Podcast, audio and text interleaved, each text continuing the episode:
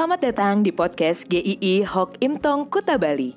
Penginjil Ray Reginaldi akan membagikan renungan harian singkat untuk membawa Anda mengenal dan menyembah Tuhan Yesus, bertumbuh dan menjadi murid Kristus, serta berdampak untuk banyak orang.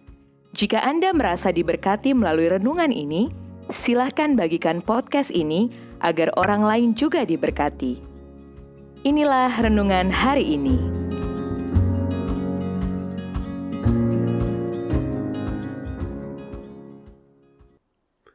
Hamba Tuhan. 1 Petrus 2 ayat 16 Hiduplah sebagai orang merdeka dan bukan seperti mereka yang menyalahgunakan kemerdekaan itu untuk menyelubungi kejahatan-kejahatan mereka. Tetapi hiduplah sebagai hamba Allah. Kalau ditanya, siapa hamba Tuhan? Jawaban biasanya adalah pendeta, penginjil, orang yang sekolah teologi. Ya, istilah hamba Tuhan itu sering dipakai untuk mereka-mereka ini. Sehingga sering muncul pemikiran dan tindakan yang tidak tepat bahwa sepertinya ada tanggung jawab untuk mengikut Tuhan yang lebih rendah untuk mereka yang bukan masuk kategori hamba Tuhan yang disebutkan tadi. Penerima surat Rasul Petrus ini adalah orang-orang percaya, bukan hanya rohaniawan, tetapi mereka yang menyebut sebagai hamba Tuhan. Jadi, setiap orang percaya adalah hamba Tuhan.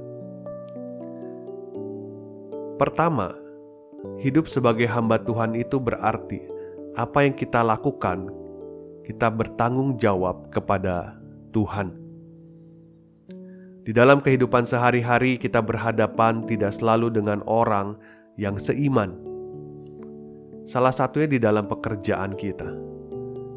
Anda bertemu dengan orang-orang yang berbeda iman, baik itu rekan kerja ataupun karyawan, juga atasan Anda sendiri mungkin.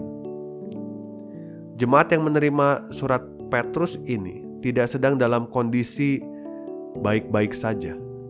Mereka ada di dalam tekanan karena iman mereka Jemaat yang tersebar di berbagai tempat ini menghadapi kenyataan hidup yang tidak mudah. Mereka ada di bawah pemerintahan yang tidak takut akan Tuhan. Mereka pun ada yang sebagai budak dari Tuhan yang tidak takut akan Tuhan. Rasul Petrus mengingatkan, orang percaya pada masa itu tentang status mereka sebagai orang merdeka sekaligus hamba Allah. Mereka bukan milik mereka sendiri, tetapi milik Tuhan, sehingga mereka harus mengikuti kehendak Sang Pemilik hidupnya, yaitu Tuhan sendiri. Dengan kata lain, apa pun yang mereka lakukan, pertanggungjawabannya selalu di hadapan Tuhan. Hidup sebagai hamba Allah, kita tidak bisa hidup semaunya. Bahkan sekalipun Anda bekerja pada orang lain, Ingat pertanggungjawaban Anda yang terutama adalah pada Tuhan juga. Sehingga Anda harus mengerjakan pekerjaan dengan jujur, dengan benar, penuh integritas dan sungguh-sungguh. Kedua, hidup sebagai hamba Tuhan berarti Tuhan tidak lepas tanggung jawab atas hidup kita. Kehidupan kita pasti tidak selalu lancar-lancar saja, terutama di dalam pekerjaan, terkadang menyita banyak energi, merasa diperlakukan kadang tidak adil juga, sehingga muncul pemikiran, "Ah, kerja asal-asalan sama serius sama aja kok dapetnya." Atau ada yang rela juga untuk melakukan dosa demi mengamankan posisinya di dalam pekerjaan. Bayangkan orang-orang Kristen mula-mula yang menerima surat Petrus ini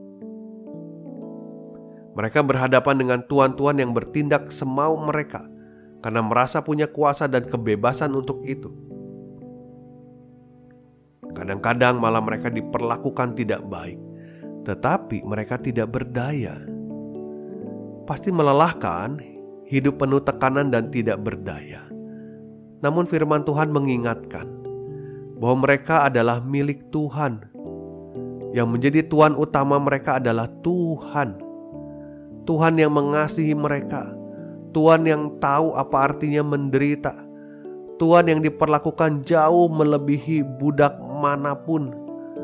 Tuhan yang sudah berkorban memberikan dirinya untuk menyelamatkan mereka. Hidup sebagai hamba Allah atau hamba Tuhan adalah suatu sukacita yang teramat besar karena kita punya Tuhan yang mengasihi kita dan menyertai kita senantiasa. Hidup kita di dunia kerja tidak selalu mudah. Kadang kita bertemu bos yang menekan, customer yang menjengkelkan, tetapi ingatlah, Tuhan dari segala Tuhan adalah Tuhan kita. Dia memegang kendali atas semuanya. Percayalah kepadanya, lakukanlah yang terbaik Jangan terpancing untuk melakukan dosa hanya demi mengamankan posisi atau mendapatkan keuntungan lebih. Setiap orang percaya adalah hamba Tuhan, maka hiduplah menurut status itu dan percayalah kepadanya. Amin.